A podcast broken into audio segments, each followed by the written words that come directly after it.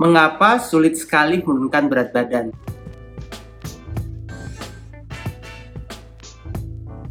Ya, masalah berat badan adalah masalah banyak orang termasuk di Indonesia. Banyak yang sudah mencoba menjalani diet. Sebagian berhasil, sebagian tidak. Ada beberapa alasan kenapa kita sulit menurunkan berat badan, meskipun kita pikir kita sudah menjalani diet, sudah berolahraga.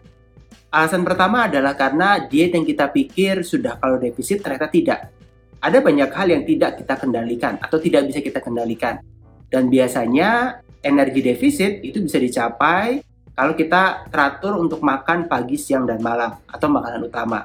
Tapi banyak yang tidak sadar bahwa bahan makanan selingan, makanan-makanan jajanan cemilan yang kecil-kecil mungkin tidak terasa seperti berarti tidak membuat merasa kenyang, eh ternyata memberikan energi secara berlebihan. Jadi ini yang jarang disadari orang. Jadi energi defisitnya belum tercapai meskipun terasanya sudah lapar ya karena dia tidak bisa mengontrol atau tidak tahu bahwa ada beberapa makanan yang ternyata juga punya kalori yang signifikan meskipun sekali lagi tidak memberikan rasa kenyang dan masih menginduksi rasa lapar. Jadi kemungkinan adanya konsumsi makanan yang tinggi energi densitas tetapi tidak disadari.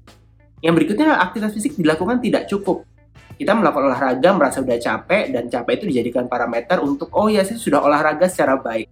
Jadi kita perlu menyadari bahwa ada formula tersendiri dalam program penurunan badan yang dianjurkan minimal adalah sekitar 150 menit per minggu. Kita perlu berolahraga 100 menit, 150 menit per minggu dengan intensitas yang cukup. Kalau itu masih kurang, jadi itu adalah alasan kenapa kita tidak bisa turun berat badan sesuai yang kita inginkan.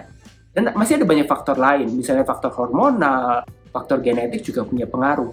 Ada beberapa orang yang dengan hormon-hormon tertentu, mereka mengalami gangguan atau masalah dengan metabolismenya sehingga sulit sekali untuk menurunkan berat badan. Ada juga yang berhubungan dengan genetik.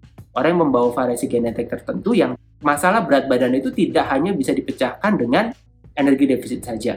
Perlu dengan regulasi protein misalnya, jenis karbohidrat, atau jenis lemak atau kombinasi dari beragam jenis bahan makanan. Jadi setiap orang akan memiliki faktor kegemukan yang berbeda-beda dan ketika kita berusaha untuk menurunkan berat badan dengan cara yang sama, bisa jadi tidak berhasil karena ada begitu banyak variasi dalam se seorang individu dan tugas kita adalah untuk memahami variasi-variasi tersebut dan memformulasi program penurunan berat badan sesuai dengan kondisi orang tersebut. Dan perlu diingat bahwa hal ini tidak sekali jalan langsung berhasil.